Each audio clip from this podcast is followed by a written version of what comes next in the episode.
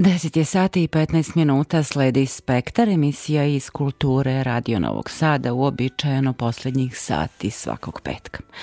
Na kraju ovog košmarnog dana možemo samo da se nadamo da mu se nazire kraj.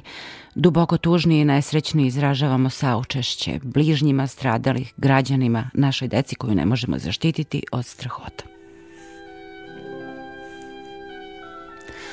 Kultura i umetnost su svakodnevno tu zapravo da ukažu na tačke bola, pucanja, nasilja i antagonizma u ličnim i društvenim prostorima, na sukob dobra i zla, ali i ovakvih dana da uteše, da pomognu da se rane zaleče, uprkos tome što je stvarnost u kojoj deca pucaju i deca stradaju užasnija od bilo kog antičkog dramskog herostata.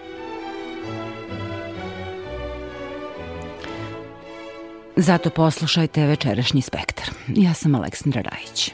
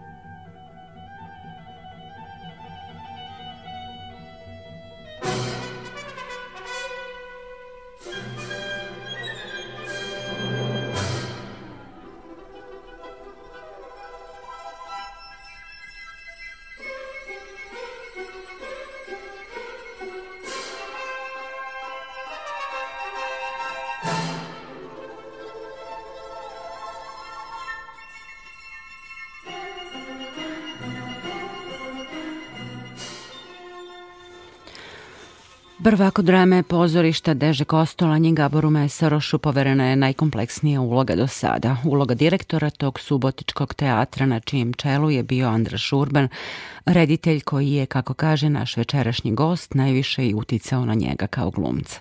O novoj profesionalnoj etapi, pozorišnim planovima, o saradnji sa Urbanom, ali i studentskim danima u Novom Sadu i odnosu prema glumi, sa njim je razgovarala Ivana Maletin-Ćorilić. Kao dugogodišnji prvak e, pozorišta Deže Kostolani, kako se osjećate sada u koži direktora pozorišta? Jeste li sagledali pozorište iz nekog drugog ugla? Jeste, naravno. E, stvarno dugogodišnja saradnje. Zamislite kad sam tražio ovaj, e, potvrdu o radnom stažu, tad mi je pao da sam već 15 godina tu te strane pozorište već potpuno sam savladao, ali ove strane jeste nekoliko, podbio sam u, ovaj, u upravni odbor godinama, tako da nekoliko informacija sam već dobio pre, ali uglavnom te velike delove te strane kao direktorske, to sam sad upoznao tek, još upoznan. Pa mogu reći nije lako, kao glumac predvideti, ali, ali volim te komplikovane zadatke. Da li planirate da inicirate neke promene u pogledu repertoara, samog ansambla, te programske politike?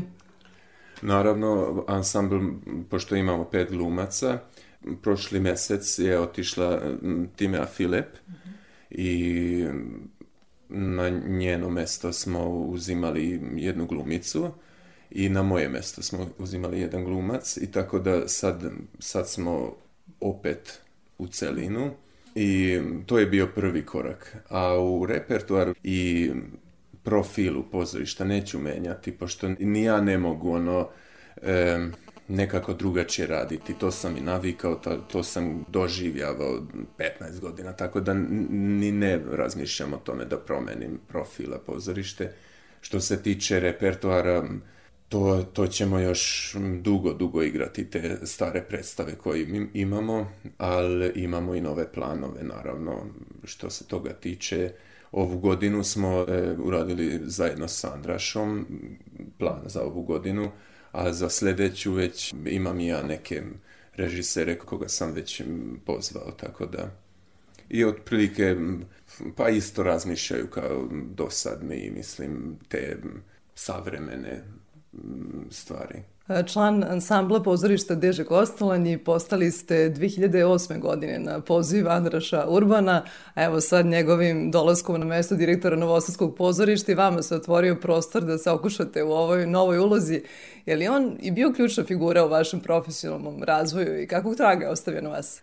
E, ja mislim da Andraš je uradio tu jednu oazu za, za glumce i za režisere. On, on je to nekako znao organsko da, da radi. Ono, on je uvek posmatrao na nas kao najbolji smo, najbolji glumci, najbolja ekipa i tako smo uvek išli napred, napred, napred, pa i, i njegove tragove su na nas ono potpuno. Ni ne možemo raditi ono klasično klasičnu formu. Ako radimo klasičnu formu, ipak razmišljamo na njegov način, na, na, da, na istraživanje, znaš, to, to smo navikli, tako smo navikli i teško ćemo promeniti nešto. Da, šta to iz ugla glumca najbolje opisuje taj njegov pristup e, režiji. I sam je rekao da on ne gleda na glumca kao imitatora, kao na oponašatelja, već izvođača kao autentično biće koje stoji na sceni. Pa uvek e, smo tako posmatrali da, da smo mi e, u prvom uglu glumci. Onda i performeri i glumci. To, to je m, jako mala razlika iz, između, ali, ali u ponašanje na bini e, ti si prvo čovek. I onda posle ne treba ništa odigravati, nego nego to je proces rada koji možeš, moraš istraživati u, u sebi neke stvari, Mo, moraš tako raditi i uvek iz sebe. Ako, ako u lošem smislu neko glumi, Andraš je uvek stao i rekao da to zaboravi, ajde da krenemo e, taj čist put koji, mislim, ili tekst ili tema, istraživanje tema, mislim, to smo stvari istraživali godinama, godinama, tako da to je to. Akademiju umetnosti završili ste u Novom Sadu, a neke od prvih uloga ostvarili ste u Novosadskom pozorištu. Kakve uspomene vas vežu za Novi Sad i za te studentske dane, prve projekte? Pa voleo sam Novi Sad. Sad već totalno promenilo i mislim i, i u, kao grad i kao, kao umetnički stil. Mislim, to smo pratili i na akademiji, a sad kad, kad pogledam ima, ima više stvari u Novom Sadu kao pre 10-15 godina kad smo mi bili tamo. Pa i, i, igrao sam u Novosadskom pozorište jedno 3-4 uloge, tad sam još bio jako početnik, ja bih bio zahvalan za to. Nisam ni razmišljao o tome kako, šta planiram, nego sam ono plivao sa, sa talasom, znaš. Ali sad, e, kao da gledam te godine, zahvalan sam za, da sam došao tu u Subotici. Sigurno bi mogao živjeti i u Novom Sadu i, i u, u tim krugovima, ali, ali ipak, ipak moj put je u Subotici vodio i to je moj put. Šta vam je pružilo pozorište Deže Kostolani? Kada ste osetili da je to teatar kojem vi pripadate? Pa u prvim godinama, iskreno da kažem, e, na akademiji potpuno smo nešto drugo učili.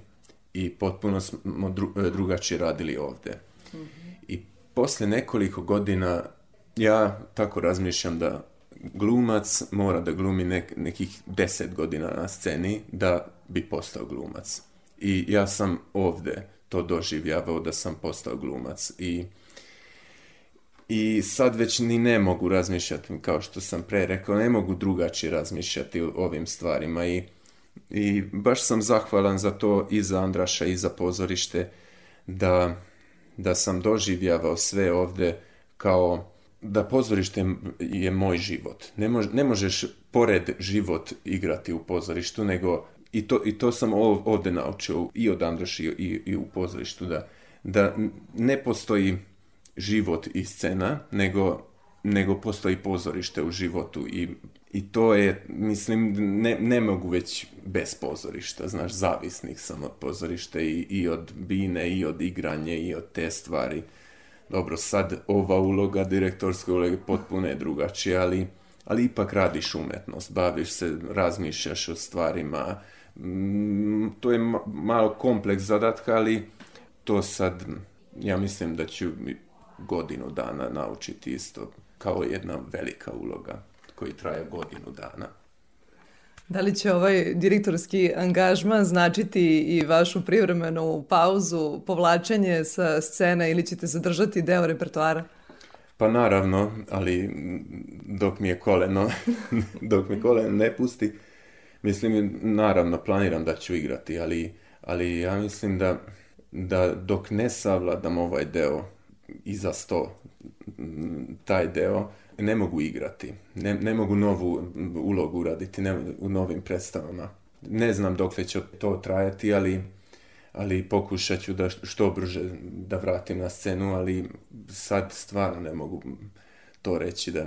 Da, pozorište Deže Kostolanji uživa jedan veliki ugled, ne samo u zemlji, nego i u regionu i sa te strane su vam vrata otvorena. Koje reditelje biste volili da dovedete? E, sad ću otvoriti za malo više e, za mađarsku scenu. Pošto jednostavno imamo dosta reditelja ovde u Srbiji, ali, ali do sad smo ipak vukli ovu balkansku liniju. Ali pošto je ipak mađarsko pozorište, ja mislim da treba bi, trebalo bi otvoriti i za, i za mađarske reditelje koji su mladi, isto bave takvim temama, ne po gotovom tekstu, nego oni pišu tekstove i istraživamo jednu temu i, i baš, baš bi voleo da otvorim na onu stranu. A u sledećoj godini ćemo opet napraviti jedan veliki e, preokret mm -hmm. e, i onda, onda ću isto gledati e, ovu balkansku scenu, ali možda čak i malo dalje ću ići i u, ili iz Slovenije ili iz e, Makedonije ili, po, pogledat ću da ono ona godina će biti e, kao balkanska godina, a sad sledeće godine je biće, biće kao mađarska godina. Nameravate li da proširite ansamblu, da dovedete neka nova imena, da li tu uopšte finansijske mogućnosti pozorišta dozvoljavaju? Pa jeste, to je veliko pitanje. Uvek, uvek smo u takvim finansijskim problemima to ćemo vidjeti kako, kako ćemo snalaziti sa, sa parama. Sad bi trebalo rešiti pre svega e, tehnički deo pozorišta, pošto imamo troje tehničara, svetloton i, i rekviziter. Nemamo ni, u, u stvari nemamo niko za scenografiju. To bi trebalo, kad je bila racionalizacija pre pet godina, ja mislim, tad su oduzimali dve e, radno mesto. I od tog trenutka mi ono skoro kao invalidi radimo. Da, bez osnovnih pa da, bez, bez osnovnih ljudi. Da. ljudi. I, I to treba sve brže rešiti, pošto jednostavno nemamo dovoljno ljudi i to, to ćemo osjetiti i na naš rad. Mislim, to moramo rešiti. To već smo krenuli godinama sa, sa gradom, ali pokušat ću to da izborim. Hvala na vremenu koje ste izvojili za slušalce Radio Novog Sada i želim vam da uspete u svim idejama i projektima. Hvala lepo, drago mi je.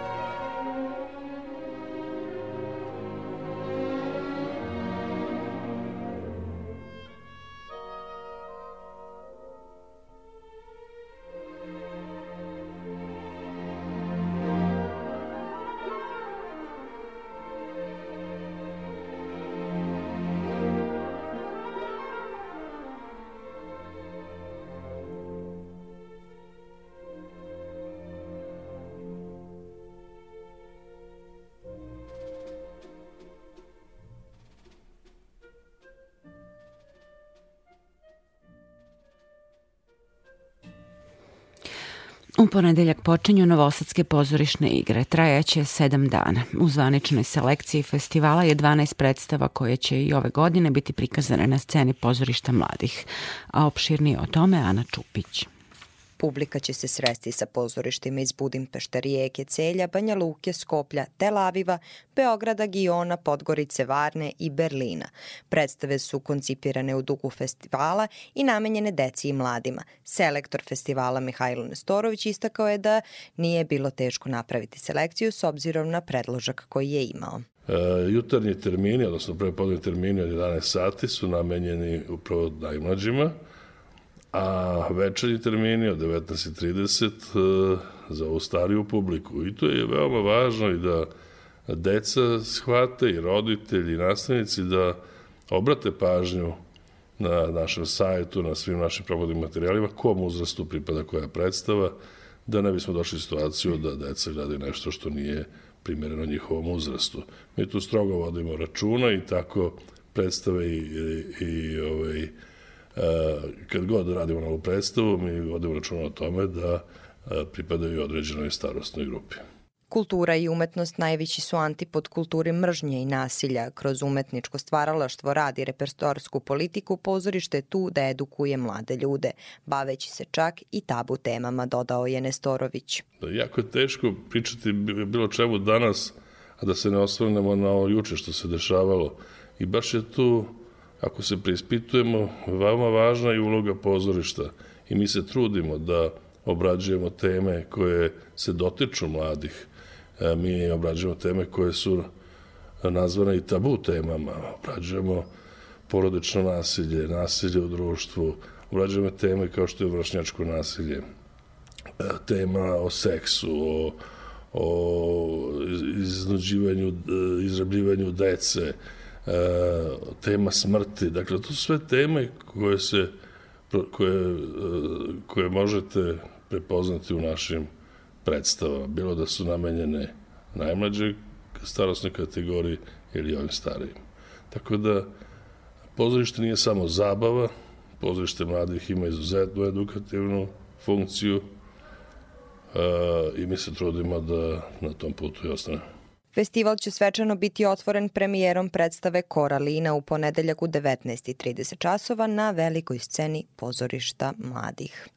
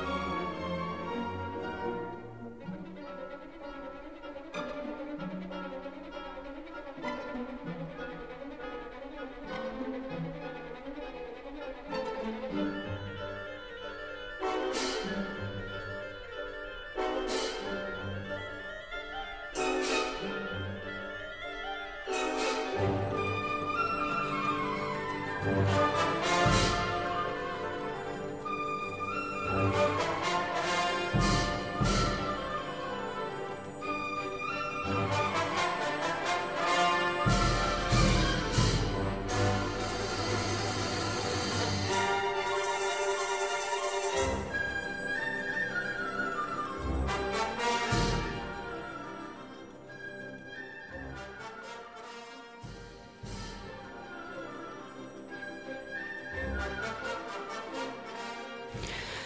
Napad Rusije na Ukrajinu u prvom talasu reakcija dovelo je do kenselovanja ruske kulture, tako su javljali i proruski mediji. Melina Panaotović, docentkinja rusistike na Novosadskom filozofskom fakultetu i prevoditeljka značajnih savremenih ruskih autora, u razgovoru sa Tatjanom Novčić-Matijević to komentariše kao deo propagande, da pojedinačnih slučajeva svakako ima, ali da se iz poluinformacija stvaraju i plasiraju pogrešni utici. Kultura je kao stihija, kao voda, uvek nađe put, kaže Melina Panaotović moramo ovaj razgovor krenuti konstatacijom, činjenicom, fejkom, kako god imenovali to, mm -hmm. o cancelovanju ruske kulture. Mm -hmm. Koliko je zapravo ima istine u tome, koliko je to stvar propagande, kakvo je vaše iskustvo saznanja o tom cancelovanju. Ja mislim da je to sve jedna velika propaganda, kako ste vi rekli, i da se, nažalost, e, ističu samo loši negativni primeri. Njih ima, ne mogu da kažem da nema, ali isto ima tako dobrih primera o kojima se ne govori. E, drugi problem je veliki što smo mi neobavešteni i lenji smo. Većina ljudi je lenja da nešto se raspita, sazna, reaguje na prvu vest, prepričava se ko je šta rekao, ne proverava se informacija i onda vi dobijete takvu jednu kritičnu masu ljudi, gomile ljudi, koja iznosi neko mišljenje koje apsolutno nije provereno. Vrlo često su dezinformacije ili, što je ono najgore, polovične istine. Ja mogu da navedem neke primere gde je došlo do određenih neprijatnosti, promocija nekih književnih dela, ali su te promocije ipak održane. I na kraju krajeva te knjige su našle, prevedene su, evo konkretno mislim na primer Viktora Jorofeva. Uh, on je nedavno bio u Brazilu i tamo je išao na promociju svoje knjige Dobri Stalin, koja je prevedena i kod nas davnih godina, relativno davnih, da, sada je ta knjiga prevedena na portugalski jezik i on je išao da govori o svojoj knjizi povodom izdanja na portugalskom jeziku. Bilo je neprijatnosti na toj promociji, e, kako Viktor kaže, došlo do skandala, moskovski drugovi su to organizovali, ali dalje detalje ne iznosi. Činjenica je da je promocija bila, da je izašao ogroman članak u njihovim najpoznatijim novinama, da je se to desilo. Tako da polu istine, polu informacije, puno propagande, a ja mislim najviše nekako ta neka inertnost ljudi, da smo svi vrlo spremni da ponavljamo tuđa mišljenja, informacije koje dobijamo iz druge, treće, pete ruke, a da zapravo ne proveravamo te podatke ili nas to možda ne zanima, pa tako samo nismo ni svesni šta pričamo, I, samo ponavljamo. Ili nam se naprosto sve to uklapa u jednu opštu sliku, je Da, što je opet, da kažem, posljedica propagande. Mm. Što se tiče ruske književnosti, e, ja ne bih pocenila i druge ruske umetnosti, prosto isto malo znamo, um, o tome se ne govori ili se govori tako da kažem sporadično u nekim uskim krugovima književnost da, ja mogu da kažem najviše poznajem tu oblast, pa da, za mene je to kada kažem bogata, raznovrstna, dan danas bogata poetikama, piscima, školama, pravcima. Ja samo hoću ovde da uskočim, e, zapravo ovo nije moj stav, nego ovo je utisak čitalaca. Mhm. Mm Da, da, ja se slažem sa tim, ali kažem, to su opet čitaoci, ali ako vi recimo neko ko se bavi muzikom, tako nekim, možda da kažem, nekim likovnim umetnostima, on će imati svoje mišljenje. Ja, nažalost, ne znam imena da vam ne, navedem, ne znam podatke, ali recimo sada činjenica da u Beogradu u poslednjih pola godine toliko ruskih umetnika nastupa, ja mogu da vam kažem da sam tu mašinu vremenji koja će sad doći u Beograd slušala kao studentkinja, za mene to bio pojam. I sad, evo, posle koliko je to, 23-4 godine, ta grupa dolazi u Beograd i ja imam priliku da ih slušam tu u komšiluku. Znači, kultura postoji. Muzika, književnost, slikarstvo postoji. Pitanje, opet se vraćamo na to, koliko smo mi obavešteni, koliko nas zapravo to zanima ili samo tako nekako smo inertni, letargični, prenosimo tuđe ovaj, misli, poluinformacije I tako. Isto bih htjela da kažem, ja smatram da je kultura jedna stihija i da stihija prosto ne može da se ovaj, canceluje, ugasi, da, da, da ljudske, ljudske, i ljudska intervencija ne može to da uništi. Mi možemo malo da, da kažem, pojedinačni slučajevi postoje, ali priroda, to vam je kao sa ovim nepogodama, prirodni priroda se uvek osveti. Tako i ta stihija se nekako uvek osveti i ta kultura će naći kao velika stihija, kao neka voda koja uvek nađe izlaz, ne sada, možda ne za mesec dana, ali ona će naći izlaz i verujem da će taj izlaz biti potpuno neočekivan sa naše današnje tačke gledišta i potpuno, da kažemo, onako, u mnogo većim razmerama nego što mi to možemo danas postaviti. Imam primere i za to, na što mislim. Evo recimo konkretno Ivan Viripajev, ruski poznati dramaturg, Uh, on je otišao iz Rusije, živi trenutno u Poljskoj. On je pre jednom mesec, dva, možda tri, ne znam tačno, ali recimo da kažem, pre dva meseca su meni ovi poznanici skrenuli pažnju i ja sam to pronašla. On je svoj sajt otvorio za sve, znači sve svoje komade, intervjue, sve što se nalazi na tom sajtu, a najviše mislim na njegove drame. Uh, one su, imamo slobodan pristup, možemo da ih čitamo, skidamo, prevodimo. Ako nas zanima, tamo čak postoje tekstovi na engleskom, na, na francuskom, na ruskom naravno, poljskom, uh, i on je tamo dao jedno kratko objašnjenje. Kaže, s obzirom na novo nastale okolnosti i da se moje drame ne igraju u Rusiji, a igraju se svuda u svetu, ja sam rešio da otvorim ovaj svoj sajt i da prosto omogućim svim zainteresovanim čitavcima da se upoznaju sa mojim stvaralaštvom. Pr praktično poklonio svoje stvaralaštvo, je Poklonio je i to je to što kažem, stihija nađe izlaz. To je jedan pojedinac koji je uradio to. E, nedavno je u Beogradu, ja mislim, bila premijera njegove drame Kiseonik, mm -hmm. pa je bilo u Novom Sadu gostovanje. Pa sam ja nešto svojih nekih ličnih, ovaj, da kažem, e, interesovanja, radoznalosti, pronašla sam neke malo starije antologije ruske drame gde je Viripajev i tekako prisutan. Htjela sam da prevodim, zapravo sam pogledala onaj njegov film Ples Deli, to je nije njegov film, ali po njegovom mm. ovaj, tekstu, jako mi se svideo i htjela sam da prevodim. I onda sam došla do toga. E, I to nije jedini primer. Isto je tako Linor Goralik, isto jedna spisateljica, da kažem, ona je živi u Izraelu, ja sam je upoznala, videla u Moskvi pre jedno 15 godina. Isto sam požela njene tekstove da prevodim. Kod nas ne smem, ne usuđam se da kažem da nije prevođena, možda u nekim izdanjima ovako publicistika časopisi, ali koliko je meni poznato, nemamo je na srpskom.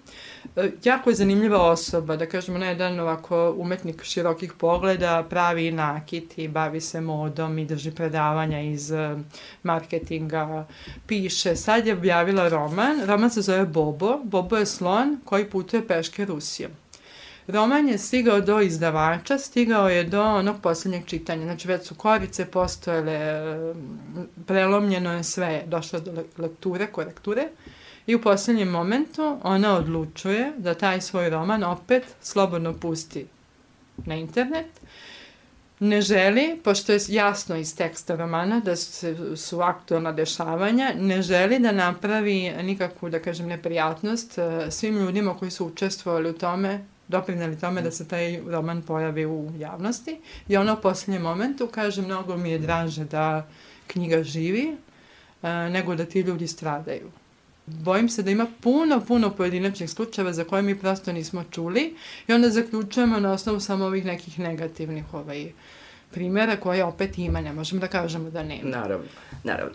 Pažljivo vas slušajući, shvatam da govorite o ruskim autorima koji žive van Rusije. Mhm. -huh.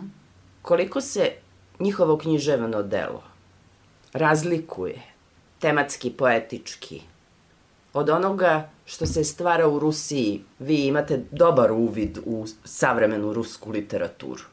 Hoću reći, da li je njihov odlazak iz Rusije im otvorio neke nove mogućnosti? Spisateljske. Da, a, mislim što se same književnosti tiče da taj odlazak nije uticao, prosto je rano još, mislim prošle godinu, malo je više od godinu dana, koliko meni poznato, oni svi pišu kao što su pisali ranije, samo način na koji će njihova dela doći do publike su drugačije.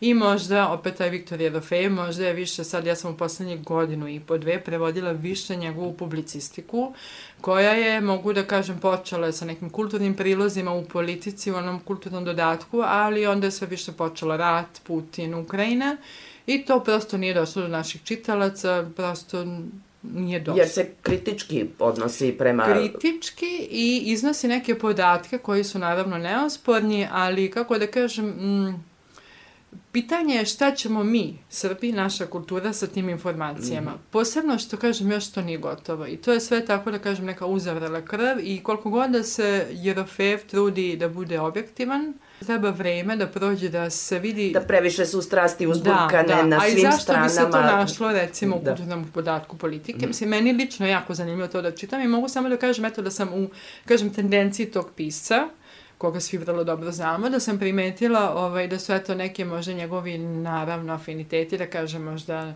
pobude više da objasni situaciju, on tamo razmišlja kad ima poslednji članak koji nije preveden, neće biti objavljen, se zove Kraj rata nije tako daleko, što je naravno ironično, postavlja se pitanje kad dođe kraj tog rata, s kakvom se to Rusijom susrećemo. E, kulturološki je to veoma zanimljivo, ali kažem, mislim da trenutno nije vreme, ja mogu to da kažem da je to u njegovom što postoji ta tendencija. Ali moram da kažem da sam se ja susrela i sa piscima koji su ostali u Rusiji i koji su eto nekim um, njihovim, da kažem, službenim, po službenoj dužnosti, ako smijem tako da se zatim, došli u našu zemlju, ja sam se upoznala sa njima i, i oni pišu sada ono što su pisali ranije. Prosto su našli način da um, Možda ih ne pogađa lično, možda su dobili neke beneficije od toga što ih je sad ostalo malo, da kažem da je opet taj srebrni vek izašao iz Rusije, možemo opet da govorimo o nekom talasu migracije kao doba prve, jer tako mm -hmm. te talasa migracije posle revolucije 17. godine. I onda je tamo njima malo postalo, da kažem, komotnije i onda, po mom ličnom mišljenju, neću da navodim imena, neki pisci onako srednje kvaliteta, možda više Oni sada pišu scenarije, književnost se pretvorila u televizijske serije, da kažemo neke nastavke koji nikako da se tako privlače se pažnja čitaoca. Ne možete vi to da oddelite da li je to detektivska proza koja je jedno vreme bila jako popularna, da li je umetnička. Puno imate opštih mesta, Za mene lično to je neka tako srednji kvalitet, opet kažem vreme će pokazati, ali ono što je da kažem možda još važnije od toga kakva je njihova poetika i književnost, kakvi su to ljudi. Ja sam imala jako negativno, loše iskustvo sa tom osobom koja je iz Rusije došla ovde kao režimska režimski orijentisan pisac. Um, razgovor nije bio moguć o književnosti, razgovor se sve na podatke, kolike su vam plate, koliko imate studenta. Kada sam ja spomenula s kojim piscima sam sarađivala, a, to su oni. Dakle, postoji ta vrsta od, odijuma prema autorima koji su emigrirali. Da, da, postoji vrsta netrpeljivosti, e, postoji možda neki tihi sukob koji, kako kažem, opet je u svakom individualnom slučaju je drugačiji. Ja kažem da sam ja lično imala negativan, da ništa se meni lično nije desilo, prosto mi je bilo neprijatno, htjela sam da razgovaram o književnosti, tako sam shvatila da imam priliku da razgovaram sa Jasno, savremenim da. ruskim piscem a dobila sam, a to su oni i trgla sam se i onda su mi objasnili, oni koji su otišli, oni su, oni nisu naši, ne tako rekao, oni nisu naši.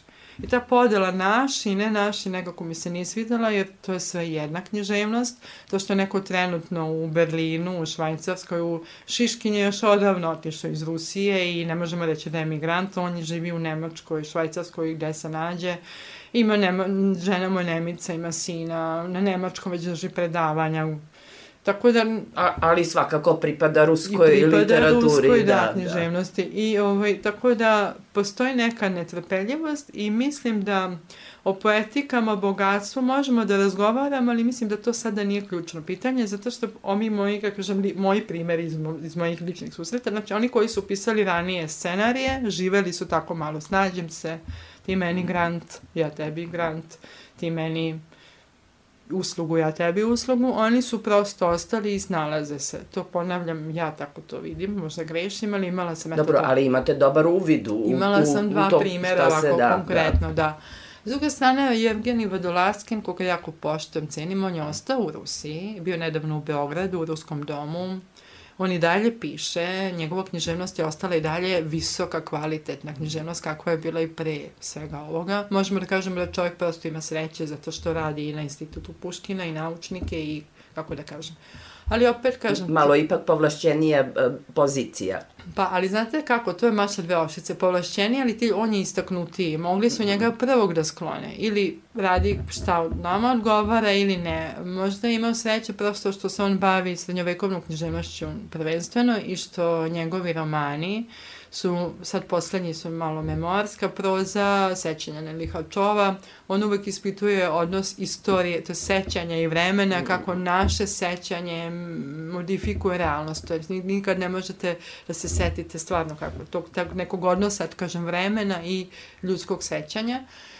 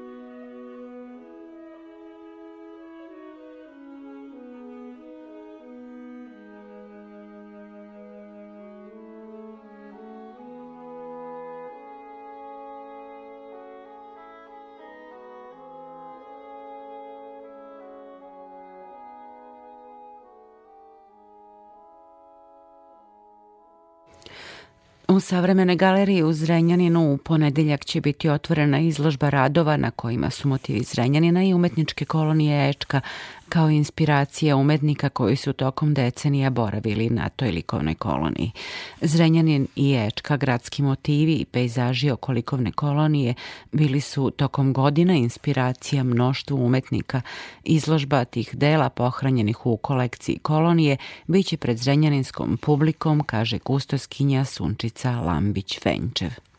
Na izložbi će biti predstavljene slike koje se čuvaju u zbirci savremene galerije, a na kojima je upravo predstavljeno i graditeljsko nasređe Zrenjanina i Ečke, zatim neki od simbola i omiljenih mesta Zrenjaninaca, koji su uh, bili inspiracija umetnicima koji su bili učesnici umetničke kolonije. U stvari, Pejzaži i motivi Zrenjanina i Ječke su bili česta inspiracija uh, umetnicima koji su boravili i radili u umetničkoj koloniji Ječka još od osnivanja 1956. godine pa sve do danas – Tako da je kroz ove motive moguće ispratiti i promene umetničkog izraza u istoriji moderne i savremene umetnosti kroz različite uh, pristupe umetnika od realističkih prikaza pejzaža uh, pa sve do abstraktnih motiva i poslednjih decenija do kritičkih uh, preispitivanja. Na izložbi se može videti oko 50 dela nekih od najznačajnijih umetnika međuratni i posleratne istorije umetnosti 20. veka, poput Vase Pomorišca, Milana Konjovića, Alise Čelebonovića, e, Nikole Draovca, Đorđa Bošana, Milana Ćečića, Aleksandra Lukovića i mnogih drugih. Kolekcija je zaista bogata, mi imamo preko 2800 umetničkih dela koji podrazumevaju i slike, crteže, grafike, skulpture i uh, ove nove medije koje nastaju u poslednjih decenija, ali ovako pregledajući zbirku primetili smo da su umetnici vrlo često bili zainteresovani za ono što upravo vide i dožive boraveći i radeći u samoj umetničkoj koloniji Ečka i na izletima koji mi priređujemo tokom boravka kroz Zrenjanin i uopšte u okolini Zrenjanina i Ečke i vrlo često uh, baš tu upravo nalaze svoju inspiraciju. Umetnici ostaju dosledni tim svojim uh, likovnim istraživanjima kojima se bave, ali vrlo često za motiv uzimaju baš ono što uh, vide u okruženju same Ečke iz Renjanina. Izložba će u Savremenoj galeriji u Zrenjaninu biti otvorena do 28. juna, a bit će i deo programa Evropske noći muzeja i nacionalne muzejske manifestacije Muzeji za 10. 13. maja.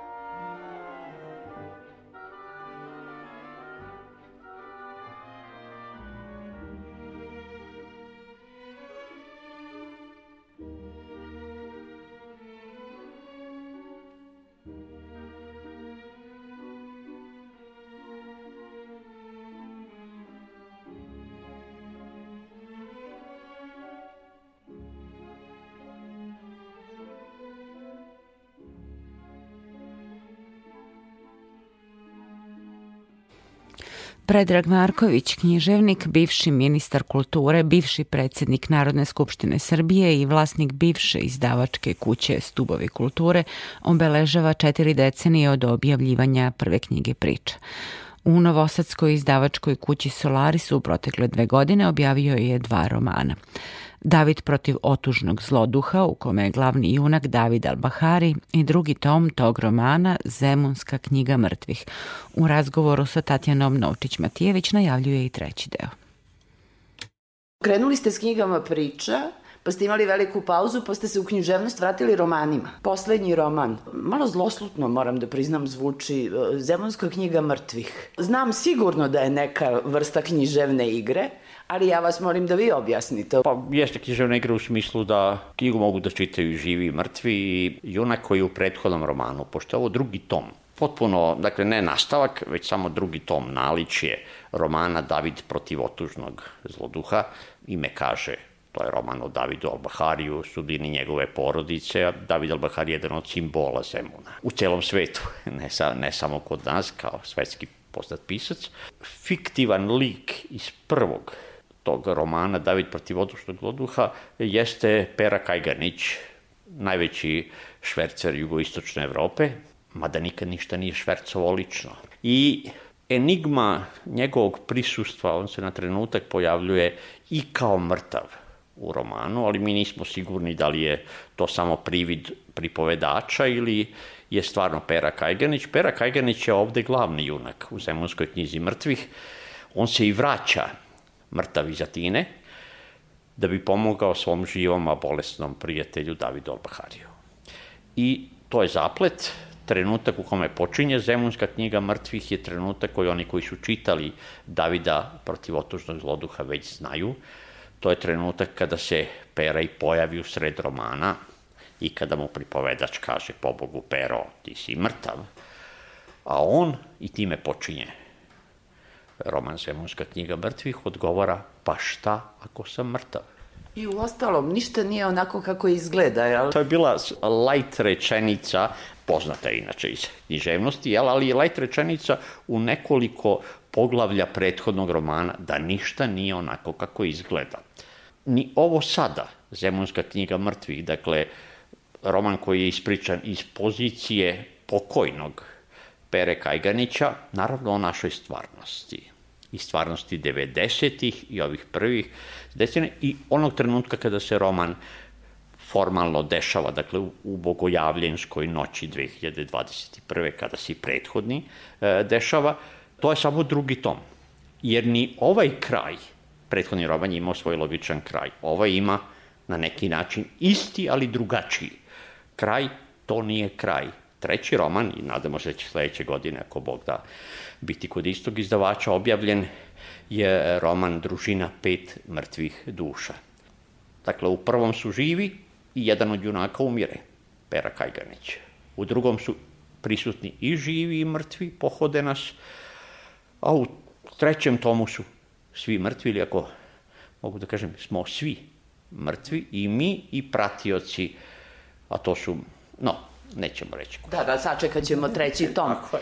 Hoće li i treći roman da se dešava u Bogojavljenskoj noći? Zašto je baš Bogojavljenska noć odabrana? Čini mi se i tu ima i velike simbolike i velike igre.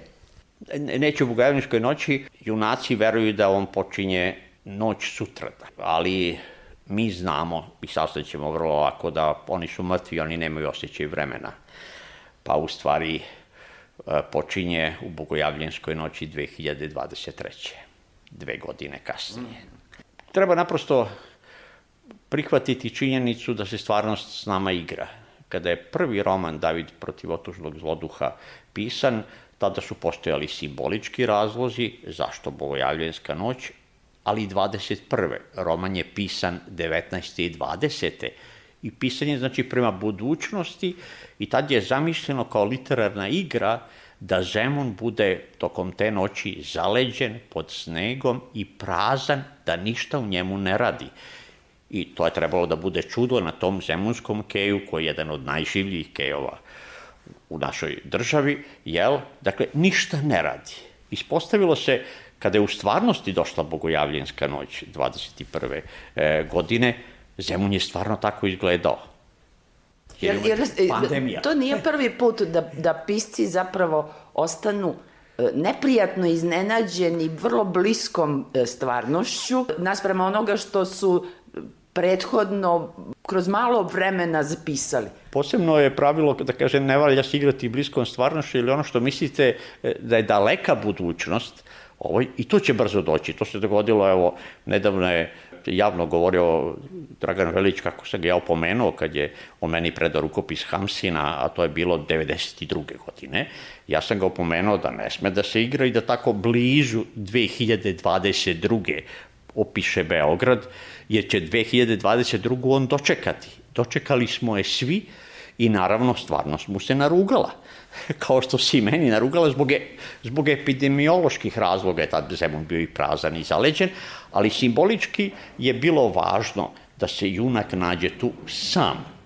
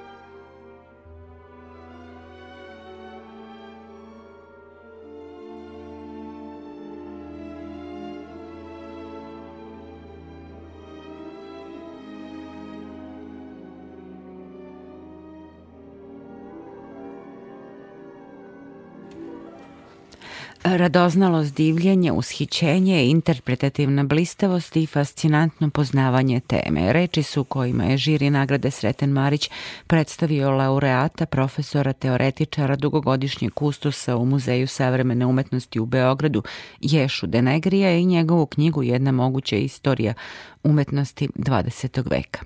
Ceo razgovor sa profesorom Denegrijem u jednom od narednih e, emisija iz kulture, Art Salon, je večeras nekoliko minuta o tome kako je knjiga nastala. Videli ste, ovo je knjiga sastavljena većinom iz do sad objavljenih tekstova i to neki od njih su duboko negde u drugoj polovini 20. veka, 60. 70. godina, tako reći do danas, uz nekoliko neobjavljenih Dakle, zato ona i nosi naziv jedna moguća. Nije to napisana recimo iz jednog stanovišta sada, nakon nekih istraživanja, nego zapravo tokom vremena, iskustva nekog ko je ovim poslom počeo da se bavi. Ja sam bio zaposlen od 65. godine u Muzeju savremene umetnosti kao kustos muzeja, e, što je značilo biti u jednoj, e, jednoj ustanovi koja je bila u to vreme veoma aktivna, koliko sa izložbama naše tadašnje jugoslovenskog umetničkog prostora, toliko i sa izložbama iz inostranstva koje su dolazile u Beograd u to vreme najčešće na bazi međudržavnih razmena. Tako da je muzej bio jedna pozornica gde neko ko je tu bio zaposlen, a imao je i neki interes za tim, pa i potrebu stručnog usavršavanja, pratio sam te izložbe. Najzad e, neko ko imao, ako mogu reći, takvu i privilegiju da je radio u jednoj takvoj ustanovi, mi smo često putovali na stranstvo, na, e, na Bienala u Veneciji, na drugim mestima, ja sam imao stipendije. To je bilo jedno veoma divno, plodno vreme gde se recimo prema mladim ljudima, kadrovima u, u institucijama mogu reći vodilo računa i tako dalje, tako da se desilo za izvesno vreme, ja sam dobio uvide, do duše uvek periferne, subjektivne, ne, ne možete prodreti do samih e, krajnjih ciljeva, ali nekog uvida u razna zbivanja i to me navodilo da recimo posete ili sredinama ili izložbama ili knjigama katalozima koji su do nas stizali, da to ne ode tek tako, nego da mislio sam da ako sednete pa napišete neki osvrt, neki doživljaj e, tih zbivanja, da time to pamćenje učvršćujete. I to me rukovodilo. Tako da je nastala jedna, da kažem, produkcija tekstova na ovu temu, pored drugih koje sam morao da obavljam u ovoj sredini o našoj umetnosti i tako dalje. I dalje kako je vreme teklo, izdavačke politike su se menjale i tako dalje, došao sam u mogućnost da, zahvaljujući jednoj urednici koja je veoma zaslužna za ovu knjigu i još nekoliko u službenom glasniku, da se um, napravi jedan izbor iz tih tekstova i da se napravi ovakva jedna knjiga. Tako da ja moram da priznam sam veoma zadovoljan, veoma sretan kad sam dobio tu mogućnost, još kad sam je video kao finalni proizvod, da mi čini veliko zadovoljstvo. Onako iskreno rečeno vreme prolazi tutnji trebamo nešto sačuvati od ovog našeg uzbudljivog života i da ono ne ode sve na sve moguće strane urednica je meni dala neke slobodne ruke da ja, da kažem, izvršim izbor tekstova, a ona je preporučila da to bude u formi jednog izbora koji zahvata ceo 20. vek. Tako da, da sam e, napravio jedan, on je uvek subjektivan, najpre subjektivan je bio izbor tekstova koji sam ja napisao, a onda izbor za ovu knjigu. Tako da sam ja probao da, da od početka veka do kraja markiram ceo jedan vek i to za istoriju umetnosti izvanredan vek, 20. vek je prebogat umetničkim zbivanjima, najrazličitijim od samih umetničkih pa da društveno-političkih i tako dalje. Jedan veoma izazovan veliki period, tako da sam se potrudio da markiram razne fenomene i drugo, ima iz, jedan izbor tekstova koji nije striktno onom što je naša predstava umetnost 20. veka, recimo samo zapadnoevropska, američka, ima o alternativnoj ruskoj umetnosti, mađarskoj i tako dalje. Istočnoevropskoj, eto tako da se dobije jedna, jedna neobična da kažem, postavka i to je ta knjiga. Knjigu Jedna moguća istorija umetnosti 20. veka objavila je, objavio je zapravo književni glasnik. 11 je sati i 26 minuta. Bio je to spektar. Čujemo se ponovo sledećeg petka.